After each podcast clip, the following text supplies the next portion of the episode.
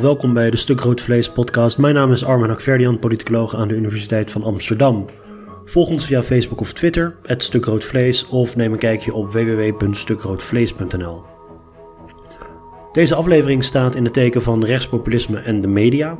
Ik spreek zo met twee promovendi die hier onderzoek naar doen, Leonie de Jonge en Alite Damstra. Leonie promoveert aan de Universiteit van Cambridge en zij zal vooral vertellen over hoe journalisten in de Benelux-landen omgaan met rechtspopulistische partijen. Zij heeft een hoop journalisten en eindredacteuren geïnterviewd over dit onderwerp. Uh, Alit promoveert aan de UvA en zij heeft onderzoek gedaan naar de populariteit van de PVV en of die samenhangt met de zichtbaarheid van Wilders in de media. Beide zijn te volgen via Twitter, via l en Damstra Alit. Oké, veel plezier met Leonie de Jonge en Alit Damstra.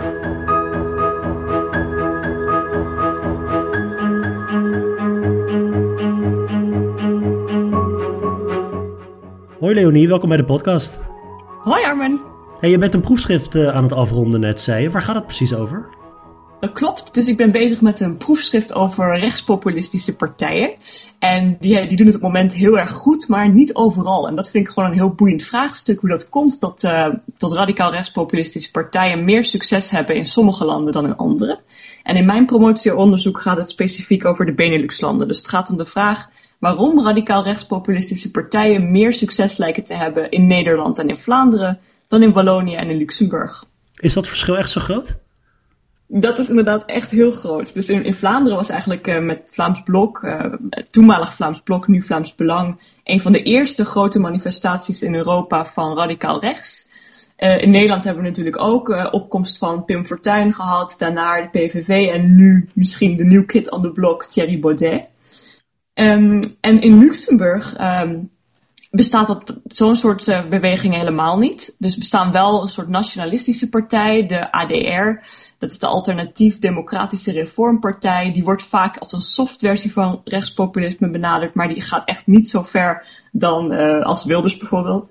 En in Wallonië, dat is helemaal een puzzel, want dat heeft eigenlijk een perfecte voedingsbodem voor een radicaal rechtspopulistische partij. Omdat er bijvoorbeeld um, meer migratie is, meer werkeloosheid dan in Vlaanderen.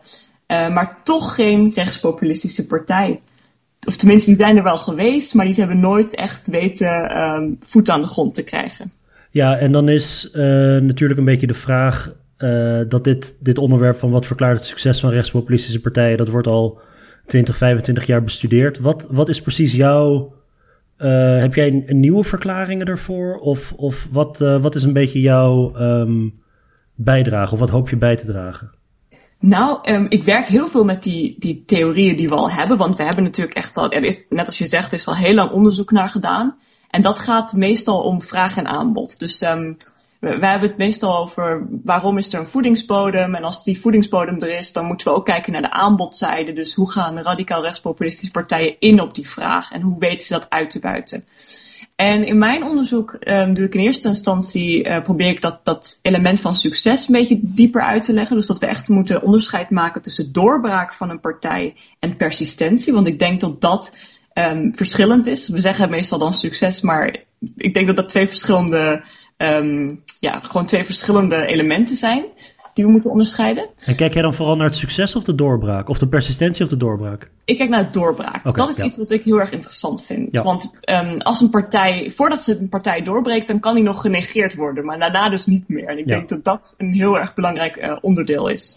En dan ten tweede is het zo dat ik echt die vraag en aanbod um, uh, redeneringen gewoon niet voldoende vond om vooral Wallonië uit te leggen. Dus eh, dat vond ik eigenlijk, ja, die theorie, die helpt ons wel heel goed op pad, maar die kan het niet volledig verklaren.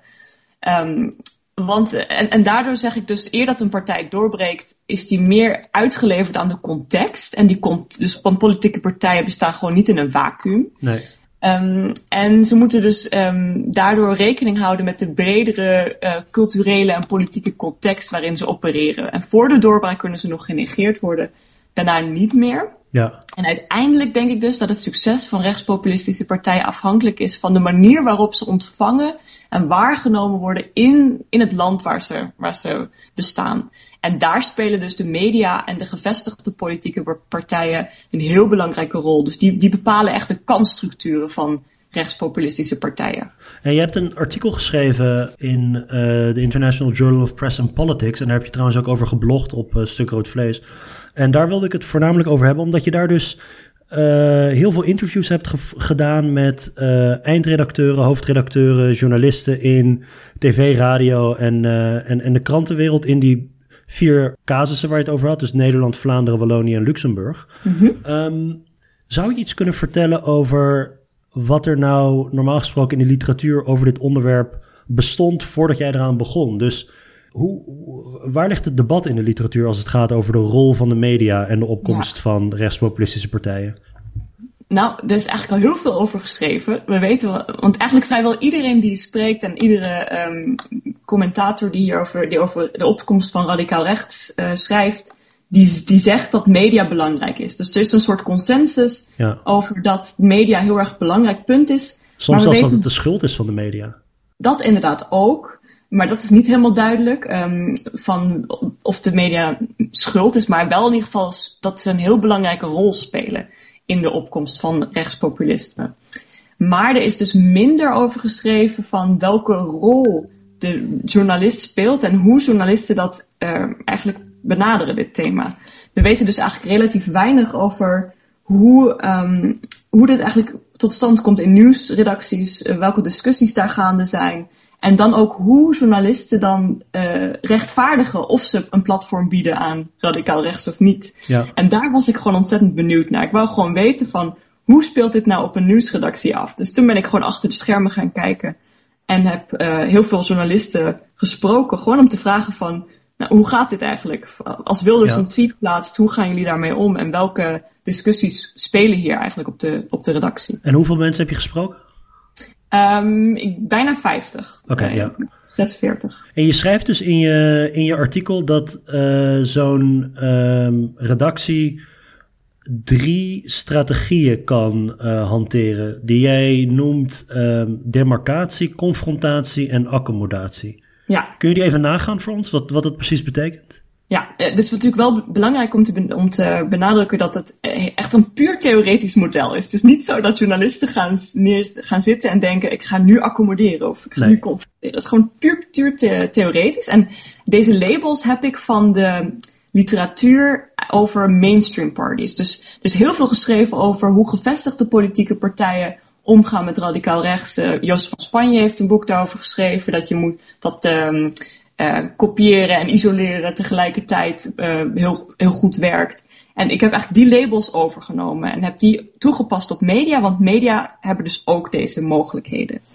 Dus in eerste instantie kunnen journalisten besluiten om radicaal rechtse bewegingen consequent te isoleren. Dat kan dus bijvoorbeeld, dat is dus die demarcatie. Dat kan bijvoorbeeld door een schutskring of een cordon sanitaire op te zetten rond deze partijen. Is het Nederlands daarvoor schutskring? Ja, ik heb het echt opgezocht, omdat ik, ik dacht, ik, ja, jullie gebruiken heel, of Nederlanders gebruiken heel vaak um, Engelse woorden of zo. Of, maar ik, dacht, ja. Het is voor het eerst dat ik dit hoor, een schutskring. Ja, ik was ook bij de NPO op de radio bij Bureau Buitenland en daar zeiden ook de moderatrice van, uh, wat een leuk woord. Moet ja. een Belgisch woord zijn. Nee, het zal wel een Belgisch woord zijn, ik weet het niet. Want jij bent zelf Luxemburgs trouwens, hè? Dus ja, je zijn net jullie Nederlanders, maar... Uh... Ja, nee, dat klopt. Ja, ik ben Luxemburgs en mijn, mijn ouders zijn Nederlanders. Um, ja, dus vandaar dat ik wel Nederlands spreek. Oké, okay, sorry, ga verder. Dus die, dus die isolatie, dat, dat betekent het oprichten van een cordon sanitair? Precies, ja. ja. Dat, dat is die, die schutskring. Die schutskring, um, dat is dus inderdaad het idee dat, dat je daarmee consequent um, radicaal rechtspopulistische partijen buitenspel zet. Het is, maar het is belangrijk ook om te zeggen dat het niet negeren is, maar echt isoleren. Dus het betekent niet dat er niet over gesproken wordt. Dat bestaat vrijwel nergens, dat media helemaal niet over rechtspopulisme spreken. Maar het is echt gewoon om deze partijen en politici die verbonden zijn met deze partijen buitenspel te zetten. Dus in Wallonië wordt er dus wel heel veel berichtgeving over gedaan. Maar ze worden nooit live geïnterviewd. Dus het is niet zo dat er niet over gesproken wordt. Er wordt heel veel over gesproken. Maar het, is, het betekent dat ze niet live aan bod komen. Ze krijgen geen vrij, vrij platform. Ze krijgen niet zomaar een microfoon in de hand om zich um, te uiten. Het wordt altijd in context geplaatst. En ook, oh, ze worden ook wel gequote, maar in context. Is dat ja. duidelijk? Er wordt wel, je, de, de, de journalisten in Wallonië analyseren erover, duiden erover, berichten erover. Ja. ja. Maar het is altijd door de ogen van de journalist en nooit direct de politicus aan het woord. Dat is het, precies dat, ja. Dus dat is de eerste optie. En dan de tweede optie is dat idee van confrontatie. Dus anderzijds kunnen journalisten besluiten om met deze partijen in debat te gaan. Um, en dat kan, dat kan dus op verschillende manieren. En een van die manieren is dan die confrontatie. Dus dat betekent um, dat journalisten ervoor kiezen om, um, om politici met extremistische of radicale overtuigingen bijzonder kritisch te confronteren. Bijvoorbeeld uh, om te proberen om het achterliggende radicale gedachtegoed van hun standpunten bloot te leggen. Dus ze te ontmaskeren. Ja. dat is dus die tweede strategie. En tot slot kunnen um, media ook een neutraler standpunt innemen door radicaal rechtspopulistische partijen gewoon als, als gewone uh, spelers in het democratisch proces te benaderen. Um, en um, dat, kan ook, dat kan dan ook, als je dat in, het, in zijn puurste vorm neemt, dat, dat noem ik dan accommodatie. Waar ze deze politici echt tegemoet komen. Dus door hun een plat, platform te bieden. Of uh, wat, kan, wat ook kan, is om buitenproportioneel veel aandacht te besteden aan thema's die voor deze partij centraal staan. Ja. Migratie um, of onzekerheid. Ja, en je schrijft ook dat uh, dat onderdeel van het accommoderen, dat is ook bijvoorbeeld het overnemen van de retoriek van die partijen. Dus, dus als ja. bijvoorbeeld populistische partijen praten over de gewone man, dat dan journalisten ja. ook gaan uh, denken vanuit dat frame van, oh, we moeten de gewone man in de straat aan het woord laten. Precies, dus microtrottoir een beetje. Ja. Dus echt gewoon massaal op zoek gaan naar de gewone Nederlander bijvoorbeeld. Ja. ja. Dus dat zijn die drie strategieën, dat zijn ideaaltypes. En dan is nu natuurlijk een beetje de vraag van um, in hoeverre voldoen die vier casussen aan de ideaaltypes die je had uitgezet? Wil je beginnen met, uh, met Luxemburg? Wat, want ik, uh, ik denk dat voor de meeste Nederlanders en voor mij persoonlijk zeker geldt dat uh, we niet zo heel veel weten van Luxemburg.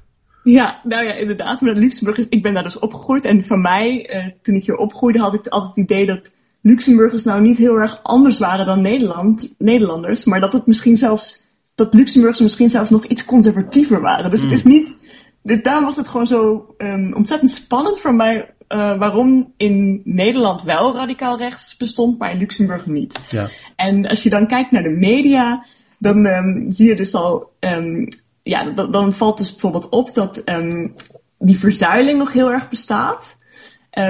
Luxemburg is een heel klein land, heeft een half miljoen inwoners, maar we hebben zes dagbladen. Ja. Dat is echt gewoon ontzettend veel. En dat heeft ermee te maken dat de overheid op, op zich wil garanderen dat er niet alleen één krant bestaat. Want een marktwerking, daar zou gewoon alleen maar één krant kunnen overleven. En daarom worden die kranten heel erg gesubsidieerd. En ook uh, is het zo dat die kranten nog steeds bij een politieke partij horen. Het is dus zo dat de grootste partij, het Luxemburger Wocht, het hoort bij de, uh, dat is in de handen van de katholieke kerk. En dat um, staat dichtbij de, de Christdemocraten. En dan heb je een krant van, dat is van de Socialistische uh, Vakbond. Dat, hoort, dat, dat is de tweede krant. Die staat dicht bij de Sociaaldemocraten. En je hebt zelfs bijvoorbeeld nog een communistische krant die dicht aan de communistische partij staat. En hoe werkt dat zich uit op journalisten? Nou, dan merk je dus, um, ik heb de journalisten hier geïnterviewd en daar zie je dus dat omdat ze niet gecommercialiseerd zijn, hebben ze gewoon de vrijheid om hun eigen, uh, wat, wat zij zelf belangrijk vinden. dus ze moeten niet heel dicht aan de lezer staan, dat weten ze ook. Ja. Um, en wat ook is, je vindt dus in hun, uh, als ik vraag naar de editoriale lijn, dan zie je dat die nog heel dicht gekoppeld is aan die partij of aan, aan die zeil, zeg maar, uh, bij die ze horen. Um, en wat dan, nou ja, wat, concreet wat dat dus betekent, is dat je bijvoorbeeld in Luxemburg geen één krant hebt die heel erg kritisch is, of die kritisch is tegenover migratie. Uh, je hebt geen tabloid press, dus in die zin spiegelen al die nieuwsredacties eigenlijk een beetje de de gematigde um, opvattingen van de grote partijen terug. Is er, uh, zijn, er, zijn er grote uh, discussies rondom migratie in de bevolking? Of als het gaat om opvang van asielzoekers bijvoorbeeld in Luxemburg? Nou, dat is juist zo interessant, want Luxemburg, je hebt dus half miljoen inwoners en de helft daarvan zijn niet Luxemburgers. Dus 48% van de inwoners van Luxemburg hebben geen uh, Luxemburg paspoort. Um, dat is heel interessant. Um, die komen natuurlijk vooral veel uit omliggende landen. En Europese migratie is vooral heel sterk hier. Ja. Maar dat is echt wel een thema wat heel erg speelt. En in 2015 was er in Luxemburg een referendum over of, je, of we die buitenlanders stemrecht moeten geven. want het komt dus nu zover binnenkort dat er een heel erg democratisch uh, democratic deficit bestaat. Omdat er straks minder, ja, gewoon heel, heel veel mensen die hier wonen mogen niet meebepalen over de, over de regering. Ja. En daardoor kwam dus dat um, referendum op waar alle kranten en ook uh, alle grote gevestigde politieke partijen eigenlijk voor waren. Maar toen kwam dat referendum en daar was dus 80% van de Luxemburgers die daar tegen stemden. Oké, en wat heeft dat voor implicaties bijvoorbeeld dan? Of, of uh, wordt er dan in Luxemburg naar aanleiding hiervan niet gedebatteerd over een media die compleet losgezongen is van de samenleving? Nou, daar zijn wel discussies over opgekomen, maar vooral over uh, op sociale media. Um, maar uh, daar is niet echt een heel groot maatschappelijk debat over. Maar mede natuurlijk omdat de media de media is. Dus ja, dit is, dit is ja. een heel... En als je een eindoordeel moet geven over Luxemburg en die uh, demarcatie, confrontatie of accommodatie, waar, waar voldoen ze dan het meest aan? Of welk profiel past bij ze? Nou, heel erg dat demarcatie. Dus er was vrijwel een soort, er was een soort consensus onder uh, hoofdredacties dat, um, nou, tot, tot, dat dat ontmaskerd moest worden. Die, die standpunten van radicaal rechts, dat daar geen plaats in mocht zijn in de media. Ja, dat er gewoon eigenlijk, dat, dat het in de taak van de journalist was om daar geen platform aan te bieden. Ja. En Wallonië? Ja, Wallonië is gewoon echt heel erg um, interessant. Want daar is het dus zo dat er een formele afspraak bestaat tussen journalisten om geen, consequent geen platform te bieden aan radicaal rechts. En echt uh, vrijwel elke bestaansmogelijkheid van deze partijen um, ja, gewoon compleet um, te, te, ja, hoe zeg je dat? Te, te ontkennen of zo? Te, ja, precies, te ontkennen. Om, om die gewoon die, die geen bestaansmogelijkheid te geven. Te en is dit geformaliseerd? Staat dit zwart op wit, deze afspraak? Ja, dat is geformaliseerd. Het was eerst een informele afspraak um, tussen nieuwsredacties. En toen, naarmate dat het um, langer bestond, is dat gewoon op papier vastgezet. Um, dat kan je dus inderdaad nakijken bij de. Um, uh, de, de, is een organisatie die um, media reguleert, maar dus dat heet. ik kom even niet op de naam. Zie ik dat hier? Is dat die uh, Conseil Supérieur de ja, precies, de CSA. L'audiovisuel? Le Conseil Supérieur de l'Audiovisuel, ja, dat is hem. Ik heb Frans gehad op de middelbare school. ja, echt heel goed. Dus die conseil, dat is een soort bestuursorgaan. Um, nou, het, het, is een zelf opgelegde maatregel onder journalisten om consequent geen plek te bieden aan ja. radicaal. Dus um, in 2010 kwam er een formele overeenkomst onder journalisten om politici met naar verluid vrijheid berovende overtuigingen, dus die, die, uh, dat het liberticide heet dat, um, consequent niet aan bod te laten komen en op initiatief van de Waalse publieke omroep, dat is de RTBF, verbonden de Franstalige audiovisuele media, dat gaat echt vooral over de audiovisuele media, zich ja. toe om consequent geen toegang te verlenen aan woordvoerders en, en vertegenwoordigers van partijen met xenofobe of racistische, oftewel seksistische opvattingen. Dus het gaat echt op papier niet alleen om radicaal rechts, maar het zou, het zou ook om andere partijen kunnen gaan. Liberticide is wel een mooi woord, moet ik zeggen. Ja. Net als ja, schutskring. Ja. Maar je, op een gegeven moment, jij, je citeert ook een journalist van RTL Television. Is dat, is dat een commerciële zender? Of? Dat is de commerciële zender, En die, en die ja. schrijft dus, on ne s'approche pas du diable. Of uh, ja. je, je praat niet met de duivel. Precies, ja. Dat is wel echt heel erg uh, expliciet.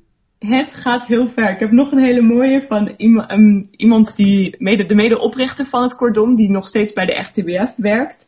En die zegt, um, als de worm eenmaal in de appel zit, dan zal deze zijn weg voortzetten en dan is het fruit rot. Dus dat is ook een, een hele mooie. Dus, maar, uh, wat, wat, ja. uh, wat, ik, wat ik wel boeiend vind, is blijkbaar is er, geen, is er geen niche voor nieuwe media om in te duiken. Ik bedoel, als die voedingsbodem in Wallonië wel vruchtbaar is, in de zin dat je dus bijvoorbeeld ook die industriële teloorgang misschien hebt en de werkloosheid waar je het over had, of uh, nou, noem maar op. Um, is het niet mogelijk om die voedingsbodem of die vraagzijde te bedienen door simpelweg nieuwe media die buiten al deze uh, oude media omgaan, om, die, om, om op de een of andere manier daar toch ook geld mee te verdienen? Ja, dat, ik denk aan de ene kant wordt die voedingsbodem wordt dat opgepakt door de Franse uh, media. Want Walen kijken heel veel naar Franse tv. Dus het is, het is echt niet zo dat ze daar tot, tot dat niet, um, tot dat gewoon niet speelt. Dus ze, ze hebben daar wel een soort uitlaat voor. Dat is dan Frankrijk. Maar en aan, aan de andere kant is het ook zo. Um, dus een van, die, van de hele interessante figuren in mijn werkstuk is Michel Modricamen. En dat is de oprichter van de Parti Populaire in Wallonië. Dat is een soort, hij wordt wel eens de Belgische Donald Trump genoemd. En hij is in de laatste tijd wel veel in de media, omdat hij ook met Steve Bannon aan The Movement samengewerkt heeft. Oh ja. Dus die, nou ja, en hij is dus, um, ik heb hem ook geïnterviewd en hij heeft dus in zijn huis thuis een, een tv-studio um, neergezet. Dus, uh, want omdat hij ook, ja, hij, hij, vindt gewoon, hij komt niet aan bod in de media, dat is ook zo. En hij heeft gewoon eigenlijk zijn eigen tv-studio opge opgezet. Ja. Maar um, ja, ook, ook dat heeft nog niet heel veel succes. En dan heb je het natuurlijk om, over nieuwe media. En dat is natuurlijk zo ook dat, dat uh, radicaal rechtse politici heel erg zich aan sociale media kunnen bedienen. En ook dat zie je bij die Modrica Man ook. Hij is heel erg populair op Breitbart. Ja. Maar um, alsnog denk ik dat, um, dat die nieuwe media kan niet wat oude media kan. En dat is dat, dat stigma van extremisme opheffen. Dat, dat kan die dat kan alleen de traditionele media. Ja. Oké, okay, laten we dan eventjes... Dus, dus even kijken. Wallonië voldoet waarschijnlijk heel sterk aan dat uh, demarcatie-ideaaltype. Ja, echt, dat zit uh, heel dicht aan dat ideaaltype. Ja. Dus... Uh, en, dan, en dan vervolgens Vlaanderen? In Vlaanderen is dat heel erg veranderd. Dus daar was aanvankelijk ook een soort cordon, maar dat is nooit geformaliseerd. Um, het is nooit duidelijk op papier gezet. En daardoor werd het veel minder consequent toegepast dan in Wallonië. Um, en die, die negatiestrategie ging eigenlijk heel snel over in confrontatie en daarna in accommodatie. Dus dan zie je echt een soort, uh, um, ja, een soort um, transitie van over hoe dat omgegaan is. en in, ja, in de beginjaren van het Vlaams blok was, werd deze partij echt niet als normaal, aange, als normaal beschouwd. En in, tijdens de verkiezingsperiode zag je heel erg dat de Vlaamse media op die ontmaskeringsstrategie stond. Ja, ja dat ze de winter in beeld uh, wel, wel wilde interviewen, maar hem dan ook meteen keihard aanvallen. Precies, zo. Dus een soort legitimatie voor zichzelf van we gaan hem wel. Oké, okay, we gaan hem nu wel een platform geven, maar we, uh, we, gaan hem ook hard aanpakken. Ja, en het was meer om echt om, om, om hun ware gezicht te laten zien. Uh, om, ja, om echt dat ontmaskeren, echt, zeg maar om het radicale gedachtegoed daarachter bloot te leggen. Ja, ja. Um, nou ja, en, en dat, um, dat, dat ging dus naarmate dat ze, um, na, na, na de jaren heen, ook naarmate dat het Vlaams Blok steeds gegroeid is, is dat eigenlijk meer in, in accommodatie veranderd, die strategie. En waar uitzicht die accommodatie in? nou, bijvoorbeeld dat de Vlaamse publieke omroep had ooit een nota dat heette de VRT en de Democratische Samenleving. Die, ik geloof die komt wel uit 2001. En daar stond dus in dat ze bijzonder omzichtig zouden omspringen met uh, de berichtgeving over het Vlaams Blok, omdat dat geen politieke partij als alle andere was. En die richtlijn um, vroeg dus om geen open tribunes te verlenen aan deze partij. Maar um, die, die, um, dat was echt een keerpunt en dat was het jaar 2004. Um, volgens heel veel Vlaamse journalisten was dat echt het keerpunt, want dat was het jaar waar het Vlaams Blok veroordeeld wordt, werd wegens racisme. Um, en daarna werd de partij omgedoopt tot Vlaams Belang. En tegelijkertijd was het ook het jaar waarin de partij 24% van de stemmen behaalde, dus echt een soort electoraal hoogtepunt. En voor de media was dat een signaal om de partij steeds meer als een gewone speler te gaan behandelen. En vandaag zie je echt dat de Vlaamse media zich veel milder opstellen tegenover dit soort partijen. Uh, de hoofdredacteur van het Gezet van Antwerpen zei bijvoorbeeld: um, destijds hadden we heel veel discussies van moet dat nou alweer Philippe de Winter? Zet dat toch niet op de voorpagina? Hou dat in de regiopagina's. Maar we zijn daar, en dat zegt ze dan, we zijn daar volwassener in geworden. Het Vlaams Belang is een partij die wij met omzichtigheid aanpakken, maar waar we wel mee praten. Ja. En ook de kwaliteitskranten zijn daar, uh, de, de Vlaamse kwaliteitskranten zijn daarin meegetrokken. Bijvoorbeeld um, in de Standaard was 2004 uh, voor het eerst een vrije tribune aan Vlaams Blok. Um, en bij de Morgen had je dat ook. Uh, dat duurde nog tot 2016, maar daar zag je dat ook inderdaad dat opeens een heel uitgebreid interview met de winter tot stand kwam. Dus je ziet echt dat dat verschoven is in de laatste jaren. Um, bijvoorbeeld was ook in de Standaard, Peter van der Meers, die schreef toen een stuk van nu kunnen we eindelijk weer um, normaliseren, een, een, normaal politiek landschap hebben dat we gewoon weer ja, gewoon alle partijen als normaal gaan behandelen. En, ja. Peter van der Meers, die later dus NRC-hoofdredacteur werd. Ja, hij is echt een van de interessantste puzzelstukken van mijn onderzoek, omdat hij in die twee, in die twee media arena's gespeeld heeft. En in, in, in Vlaanderen waren heel veel journalisten die eigenlijk op hem wezen en zeiden hij was degene die in 2004 als hoofdredacteur van de Standaard dat mediacordon omgooide. Want hij was degene die, op, die bepaalde van wij gaan die partij nu als een normale politieke partij benaderen. En toen zijn eigenlijk alle kranten daarna meegetrokken. Want ja, als de Standaard dat deed, dan, ging, dan kon dat, dan was dat wel goed. Wauw. Nou, laten we het overstapje maken dan. Via Van der Meers naar, naar Nederland. Yes. Hoe heeft de Nederlandse media dit allemaal uh, aangepakt? Nou, daar zag je inderdaad heel veel um, um, overeenkomsten met het Vlaamse medialandschap. Ook in die zin dat um, media in Nederland zich veel neutraler opstellen. En daar was het, uh, het omslagpunt echt de opkomst van Fortuin. Waarna media, de media zich heel erg de schuld gaven aan dat ze dit niet had zien aankomen. En daarna zijn ze, en dat zeiden ook heel veel journalisten, zijn op, massaal op zoek gegaan naar de volkswijken ingegaan op zoek naar de gewone Nederlander om die aan boord te laten komen. Nou, dat doen ze nog steeds hoor, 15 jaar na dato. Nu, ja, met, nou ja, nu, nu met Baudet ze het weer exact over hetzelfde. Ja, precies. Dat is echt heel interessant, want je ziet echt een soort van um, progressie daarin over hoe de journalist daarmee omgaat. Um, en je ziet dus ook dat, ja, dat ze gewoon veel meer uh, zich als neutraal willen gaan zien. En wat heel, wat, waar je dat heel duidelijk ziet is, um, er bestaat een, een, er bestond altijd een tv-programma dat heette Het Zwarte Schaap. Ik weet niet of je dat kent. Ja, ja, zeker, ja. Nou, dat is een heel coole aflevering met Hans Janmaat. En ja. daar zie je dus, uh, daar wordt ook um, um, Paul Witteman uh, op een gegeven moment geïnterviewd. En dan vragen ze ook van um, hoe dat zat met Janmaat. En dan zegt hij ja, dat, dat, dat hij gewoon consequent geboycott uh, werd. En hij zegt ook, we doen, dat, we doen consequent, geven we hem geen microfoon, want we willen geen podium bieden. Dat is niet objectief, maar dat is wel volkomen terecht. Dat zegt hij daar. Ja.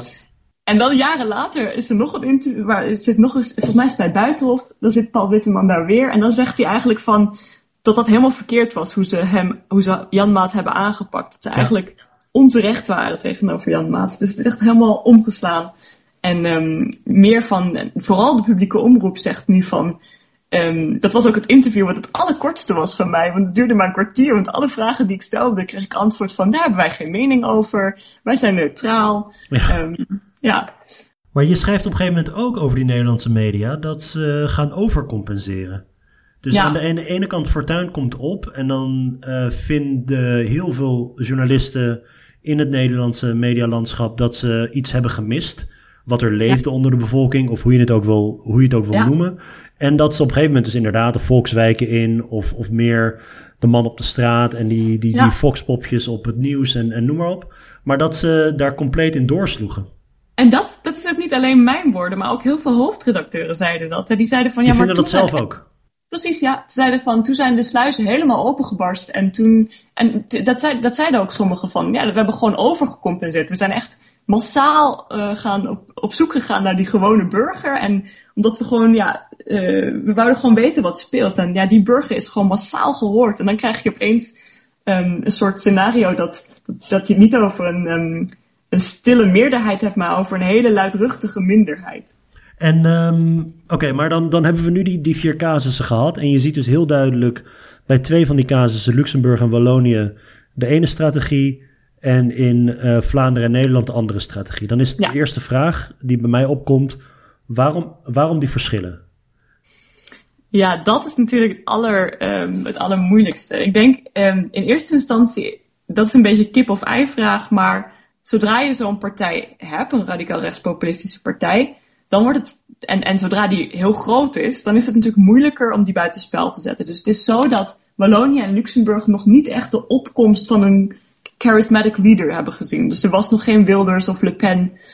Ehm, en daardoor is het natuurlijk ook veel makkelijker voor de media om te zeggen van deze partijen komen niet aan bod. Dus ik denk dat dat in eerste instantie één ehm, mogelijke verklaring zou zijn. Ten tweede denk ik is het ehm, te verklaren aan heel grootschalige veranderingen in het mediasysteem. Dus de, aan de ene kant hebben we natuurlijk de invloed van marktwerking en commerciële overwegingen die steeds belangrijker worden. En ik denk vanuit dat perspectief is het natuurlijk niet handig om een groot aantal lezers en kijkers voor het hoofd te zetten. Uh, voor het hoofd te stoten. Ja. Um, en, maar, maar, dat is niet zo eenvoudig, is het ook weer niet, want je ziet het ook bij de publieke omroep, die theoretisch daarvan vrij moet staan. Um, dus daar kan je dus, wat daar heel erg speelt, denk ik, is ook dat gewoon um, ideologisch en politiek geïnspireerde overwegingen bij krantredacties steeds meer naar de achtergrond verdwenen zijn. En dat heeft weer te maken met de verkruimeling van de zuilen, de ontzuiling, maar ook met de professionalisering van de journalistiek, waar gewoon informatie gestuurd en zo neutraal mogelijk uh, mogelijke berichtgeving heel erg centraal staan. Mm, ja. ja, dat kip of het ei verhaal, dat is, dat is natuurlijk uiteindelijk de hamvraag van is het nou zo dat die uh, journalisten in Wallonië en in Luxemburg uh, niet berichten over die partijen omdat die partijen ja. klein zijn? Ja. Of is het zo dat die partijen in Nederland en in Vlaanderen zo groot zijn omdat ze een platform kregen en omdat ze accommodeerden? Dus wie op wie reageert in deze is wel, ook als je kijkt naar de opkomst van bijvoorbeeld het Forum voor Democratie, natuurlijk ja. wel een heel boeiende vraag. Dat is natuurlijk echt wel de allerinteressantste vraag. En mijn onderzoek kan niet aan, met die interviews kan je natuurlijk niet aantonen want wat was er nou voor het eerst. Maar qua timing kan je wel zien dat, um, en het, dat, dat denk ik dus, dat als je dus heel duidelijke grenzen zet en afspraken maakt voordat een radicaal rechtspopulistische partij doorbreekt, dat je dan minder kans maakt um, om die grenzen dan ook te. Dan zijn die grenzen moeilijker te verschuiven. Ja. Waarbij als je die grenzen niet duidelijk zet voordat zo'n partij opkomt, dan kan je ze steeds weer verschuiven. En dat zie je zo in Nederland en ook in Vlaanderen, dat die grenzen van wat oké okay is in het publieke debat steeds verder verschoven zijn. En dat, dat heeft ook mee te maken, denk ik, als je daar gewoon geen duidelijke lijnen over zet van waar wat kan of wat niet of dat goed of fout is, of dat goed of slecht is voor de journalistiek of voor de democratie, dat is een heel andere vraag. En dat, dat, is, weer, dat is echt wat anders. Maar ja, inderdaad, die kip of ei vraag is, um, is, is het allerboeiendste. Maar we weten inmiddels wel door ander onderzoek dat media wel degelijk impact hebben. Dus dat media wel degelijk kunnen um, bepalen of invloed hebben op kiezersgedrag. Bijvoorbeeld als media heel veel aandacht geeft aan migratieonderwerp, dan gaan kiezers dat ook belangrijker vinden en bijvoorbeeld in Engeland is laten zien dat dat echt wel in voordeel van UKIP gespeeld heeft. Ja. Ja, volgens mij ga ik daarover praten met, uh, met Alit straks. Uh, nadrukkelijk over die, over die rol van de media. Daar ben ik heel benieuwd over, ja. wat ze er allemaal over zegt. Ja, ik ben ook heel benieuwd. Um, Leonie, heel erg bedankt. Nee, jou ook bedankt. Jij uh, bent bijna klaar, toch? Een paar maanden en dan moet je het inleveren. Ik ga 3 mei inleveren, ja. Dus het, ja, schiet op. Heel veel succes. Dankjewel.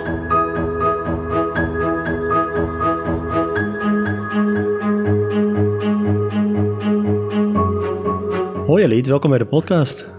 Hi Armen. Is dit de mooiste dag van je leven? Ja. Uh, hey, uh, vertel even over je proefschrift voordat we over, over de media en uh, rechtspopulisme gaan praten. Wat, waar gaat je proefschrift precies over? Ja, ik ben promovenda bij ASCOR, de Amsterdam School of Communication Research. En ik hou mij bezig met politieke communicatie en meer specifiek, mijn proefschrift gaat over economisch nieuws hoe het tot stand komt um, en de effecten daarvan. Dus we kijken naar hoe de echte economie zich verhoudt tot berichtgeving daarover. We vinden bijvoorbeeld dat er veel meer nieuws is over de economie uh, als het slecht gaat. Hmm. En dat vervolgens slecht economisch nieuws ook weer een grotere impact heeft op pessimisme van burgers dan dat positief economisch nieuws heeft op uh, optimisme van burgers. Nou ja, eigenlijk belichten we dat hele fenomeen van economisch nieuws van alle kanten. En uh, eind augustus moet ik het inleveren en dan over een halfjaartje verdedigen. Geweldig, ik kijk er naar uit. Ja, ik ook. Je hebt erover geschreven trouwens ook op de blog. Ik zal, dat, uh, ik zal een linkje daar posten in de, op, op de website. Uh, over de effecten van, uh, van economische berichtgeving op publieke opinie, was het toch? Ja, ja klopt. En nu, um, dit, nieuwe, dit nieuwe onderzoek dat je hebt gedaan, dat gaat over populariteit van de PVV en de mate waarin dat afhankelijk is van mediaberichtgeving, toch? Ja. Wat heb je precies gedaan? Nou, wat we doen, um, we waren benieuwd naar hoe steun voor uh, Wilders Partij, dus voor de PVV, uh, over de tijd heen uh, is veranderd. Dus we kijken naar steun voor de PVV op maandelijks niveau in termen van het gepeilde aantal zetels voor de PVV vanaf het moment van oprichting in 2004. Dus dan gaat Wilders als eenmansfractie verder, gaat hij weg bij de VVD, tot aan eind 2017. En uh, we kijken erbij naar berichtgeving over een aantal onderwerpen. Um, immigratie, uh, maar ook economisch nieuws, nieuws over terrorisme, over criminaliteit, combinaties van die type nieuws en belangrijk uh, de zichtbaarheid van Wilders daarbinnen. Oké. Dus even kijken hoor. De, uh, te beginnen met populariteit van Wilders. Ik mm -hmm. zit even te kijken naar een tijdreeksje van alle peilingen vanaf 2004 tot nu. En daar is echt een gigantische spreiding in. Dus je ziet dat hij, uh, nou ja, rond 2006, 2007, dat is, hij was toen al bekend, want hij was een van de voornaamste campagne. Uh, persoonlijkheden in, dat, uh, in die Europese grondwet bijvoorbeeld. Daar staat hij bij sommige peilingen staat hij op één zetel, één, twee zetels. Dat is echt in 2006, 2007. En dan op een gegeven moment uh, zie ik hier ergens in 2016 bij de hond 8 februari, ergens in februari 2016, staat hij op 42 zetels. Ja, ik geloof dat januari 2016 het absolute hoogtepunt was met 41 zetels. En, uh, en, en daartussen dus heel veel, heel veel schommelingen op en neer. Dus er valt wel echt iets te verklaren. Dit is niet een, dit is niet een partij die structureel hoog of structureel laag staat, in die zin. Uh, en, maar die mediaberichtgeving, uh, zijn het kranten? Ja, wij kijken naar kranten. Uh, we kijken eigenlijk naar drie grote kranten: uh, Telegraaf, Volkskrant en NRC. En het is grappig dat jij die twee voorbeelden noemt van dat dieptepunt in 2006 en dat hoogtepunt uh, veel later in 2000. 16? 16 was ja, het, volgens ja. mij is het 16. Januari, januari, februari 2016. Ja, je ziet dat in die eerste periode, dat dieptepunt, dat is ook... Uh, nou ja, wat wij vinden, om dat eerst even te zeggen... is dat vooral immigratienieuws hierin heel zwaar weegt. Dus hoe meer die kranten schrijven over immigratie... hoe uh, hoger support voor Wilders wordt. Hij is daarin geslaagd uh, om al heel rap eigenlijk een stevige eigenaar te worden van het onderwerp. Oké, okay, dus je hebt aan de ene kant heb je de berichtgeving in die kranten over bijvoorbeeld immigratie of misdaad of de economie en, en, en noem maar op. Eigenlijk een beetje de, de agenda van de kranten. Maar je zei ook iets over zichtbaarheid. Is dat simpelweg hoe vaak het over een bepaalde partij gaat? Of hoe vaak hij genoemd wordt, ongeacht of het positief of negatief is?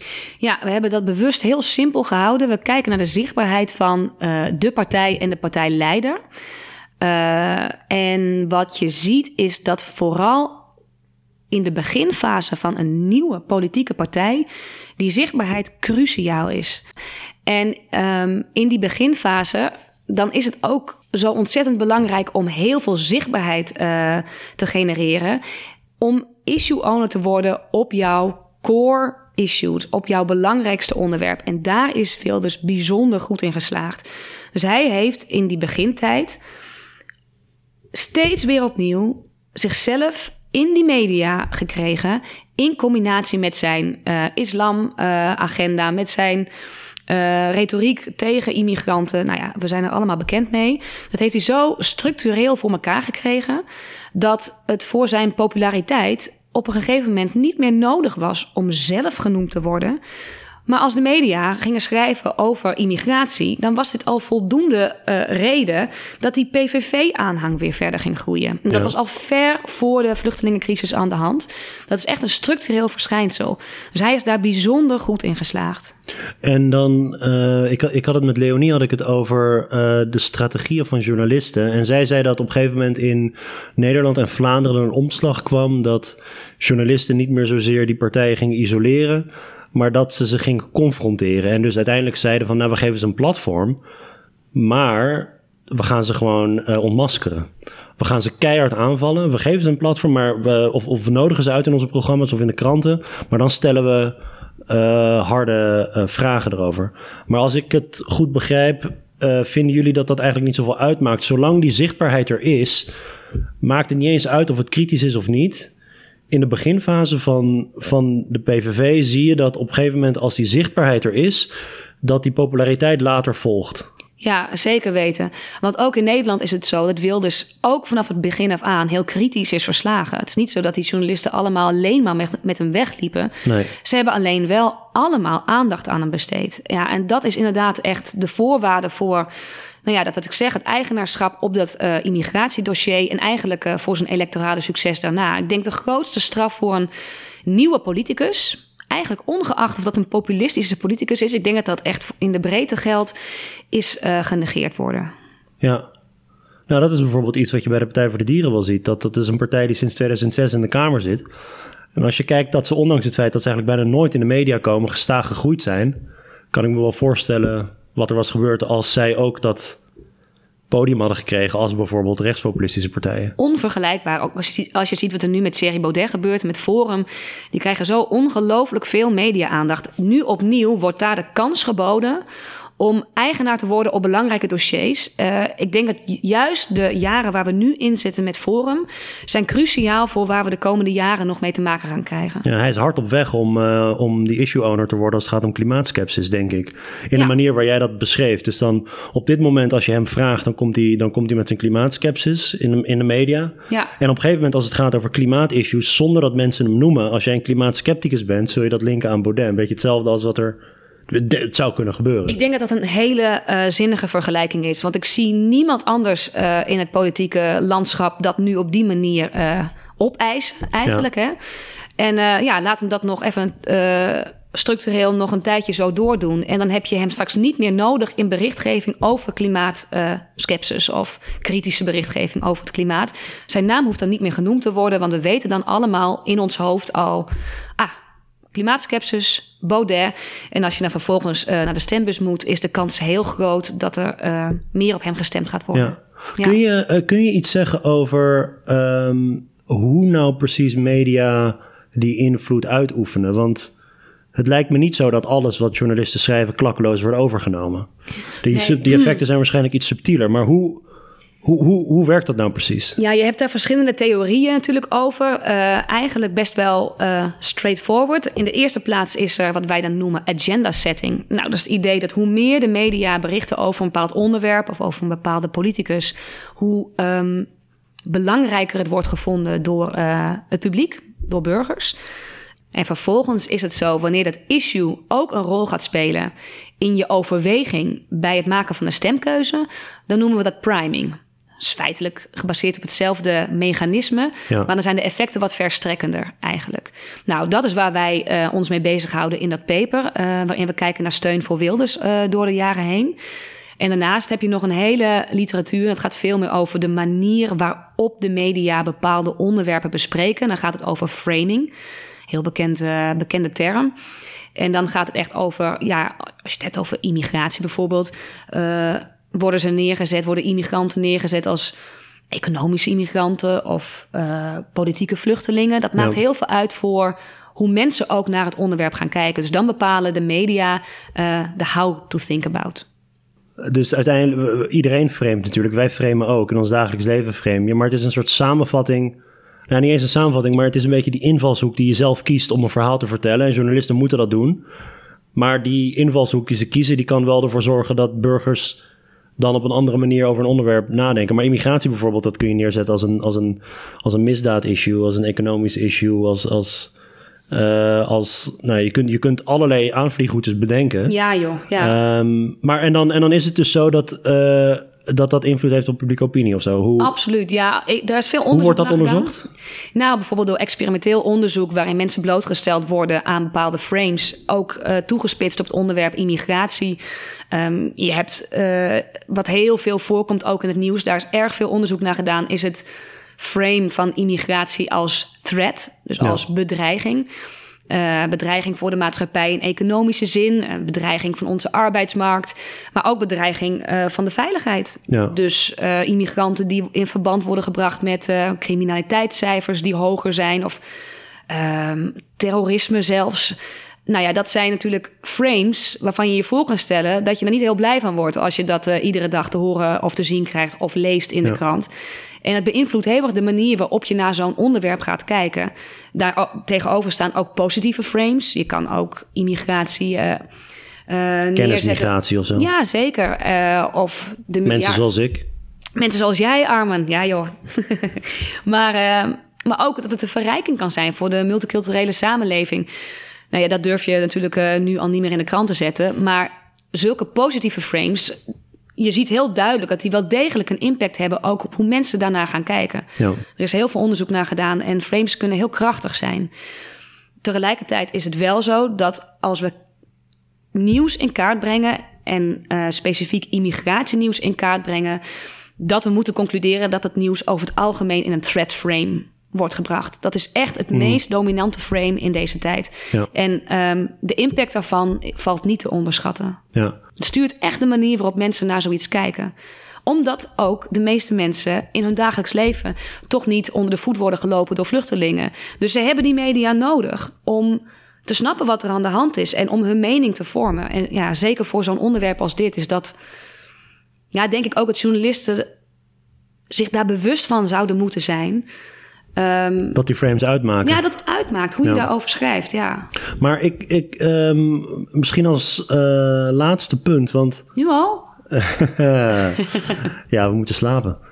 Nou, het gaat allemaal. Eh nee, maar ehm, kun jij uitleggen hoe jij oorzaak en gevolg uit elkaar houdt in bijvoorbeeld dit onderzoek dat je hebt gedaan? Want je kunt een stijgend lijntje zien voor eh, de PVV en je kunt een stijgend lijntje zien voor bijvoorbeeld bericht, berichtgeving over immigratie. Maar hoe kun je nou eh, achterhalen wat oorzaak en gevolg is? Ja, dat is een hele goede vraag, want die twee dingen hangen natuurlijk heel erg met elkaar samen. En ik denk ook dat die effecten beide kanten soms oplopen. Wij hebben dat gewoon statistisch eh, bekeken. Dus wij hebben die analyse, we hebben die data binnengehaald. En zoals ik zei, het zijn maandelijkse data. Dus je hebt dan op een gegeven moment een tijdreeks van 180 punten. Um, en dan uh, laten we de analyses op los en laten we eigenlijk de data, vragen we ook aan de data, ja, welk, hoe loopt dat effect nou eigenlijk? Enerzijds publieke opinie in de vorm van steun voor Wilders, anderzijds die hele mediakant. Ja, en wat wij heel duidelijk vonden, is dat het media is die hierin leidend is. Dat zijn. Um, die, dat zijn de bewegers van de publieke opinie. Veel meer dan die andere kant op. Tegelijkertijd is het ook zo dat als je weer naar uh, een kleinere tijdsperiode kijkt, naar zo'n beginfase van een nieuwe politieke partij, dan zien we dat die correlaties wel heel erg sterk zijn. Veel sterker nog dan later. Dus als we kijken naar de eerste twee jaar van de PVV, dan zie je dat nieuws over de PVV en zetelaantal, ja, dat is bijna moeilijk met elkaar te trekken. Ja. Het is een correlatie van punt 79 uit mijn hoofd. En wat daar dan aan de hand is. Um, Wilders zegt iets opruiends, iets geruchtmakends. Dat wordt opgepikt in de media. Vervolgens uh, stijgen uh, het aantal zetels in de peilingen. Dat wordt ook weer nieuws. Daar gaan de media ook over schrijven. Dus er is een, op een gegeven moment een enorme wisselwerking gaande tussen wat de media schrijven over Wilders, wat de media schrijven over de peilingen en die peilingen zelf. Nou, en je ziet nu, als je naar de afgelopen twee jaar kijkt, en dan kijken we vanaf maart 2017, dus de Tweede Kamerverkiezingen van dat jaar, dat eigenlijk exact dezelfde dynamiek nu optreedt bij Forum. Alles wat Thierry Baudet doet, alles wat Forum uh, de wereld inslingert, wordt breed uitgemeten. Vervolgens stijgt hij in de peilingen. Dat wordt ook weer nieuws. Nou, en dan komt uh, Baudet weer met iets nieuws en dat wordt ook gepikt en zo gaan we verder. Ook hier is een correlatie van bijna punt 80. Punt Ja. 8. Dat is echt heel hoog. Dus als we kijken naar de langere lijnen, dan zie je toch wel heel duidelijk die media hierin. Um, Ja. Ja, En dan is met name bij die, die doorbraak. Dat is, Ja. eh, en dan op een gegeven moment heb- hebben, ze, hebben die partijen voet aan de grond. En dan krijg je natuurlijk ook dat gewoon, ja, ups en downs. eh, zoals Exact. iedere partij ups en downs heeft. Maar eenmaal die, die voet tussen de deur, dan Ja, lijkt het. die is cruciaal. Daar is de. Ja, ja. ja. En dan is die zichtbaarheid van de partij zelf ook nog zo heel belangrijk. Dan gaat het echt om de zichtbaarheid van de partij zelf in het nieuws. En, maar dat hou je niet eeuwig vol. Als Wilders daar al die jaren lang het had moeten hebben van zelf in het nieuws komen, was het nog heel moeilijk geworden. Hij is ook na de val van het katshuis in 2012, ehm, toen, hij, toen dat mislukte met die gedoogconstructie, is Wilders ook wel echt structureel minder, ehm, minder gecoverd in het nieuws. Maar Ja, toen en hij heeft ook al- echt hard verloren in, 2000, eh, in 2012 bij Ja. die verkiezingen. Klopt. Maar door het, ja, onze, wat, wij wat wij vinden in het paper is dat het door, die, eh, door het eigenaarschap op dat dossier, dat dat eigenlijk hem een lange adem gegeven heeft. Aliet, we moeten vaker over onderzoek praten. Dit was boeiend. Leuk hè? ja, was leuk. Mag ik nog één ding zeggen? Ja, Het is ook interessant om te zien dat over de afgelopen twee jaar steun voor de PVV en steun voor, de, F- eh, voor Forum enorm negatief samenhangen. Ja. Dus het is ook een hele boeiende tijd die eraan zit te komen. Want het is eigenlijk voor het eerst dat Wilders eh, concurrentie krijgt eh, van deze mate. Dus ik ben benieuwd ook wat de toekomst brengen gaat. Ja, oké. ja, je, zag, je, zag bij die, eh, je zag bij die kiezersstroom, zag je eh, afgelopen week, zag je dus dat van de winst van het Forum een derde of zo, ehm, wat veel is, bij de PVV vandaan kwam. En je ziet dus ook in de peilingen op, laten we zeggen, geaggregeerd niveau dat als de een omhoog gaat, gaat de ander omlaag. Dat ja, heel duidelijk. ja, ja. Aliet, kom je terug als je proefschrift af is? heel graag. In 2022? Ja, doe ik. Nee, eerder. Zal ik niet meer op de tafel slaan? Nee, inderdaad zeg. Oké, hey, eh, bedankt voor het luisteren iedereen. Aliet en eh, Leonie natuurlijk bedankt voor, eh, voor hun bijdrages. En waar kunnen de mensen je vinden op Twitter, Aliet? Oh, ehm, Damstra Aliet? Nou ja, dat weet jij toch wel. Jij volgt mij op de voet. Ja, nee, ik, het is Ed Damstra Aliet. Dankjewel. Ja. Aliet met een Y. Ja, en ik zal er de komende tijd leuke dingen posten over het onderzoek. Oh, heel goed. Beloofd. Bedankt voor het luisteren. Tot de volgende keer.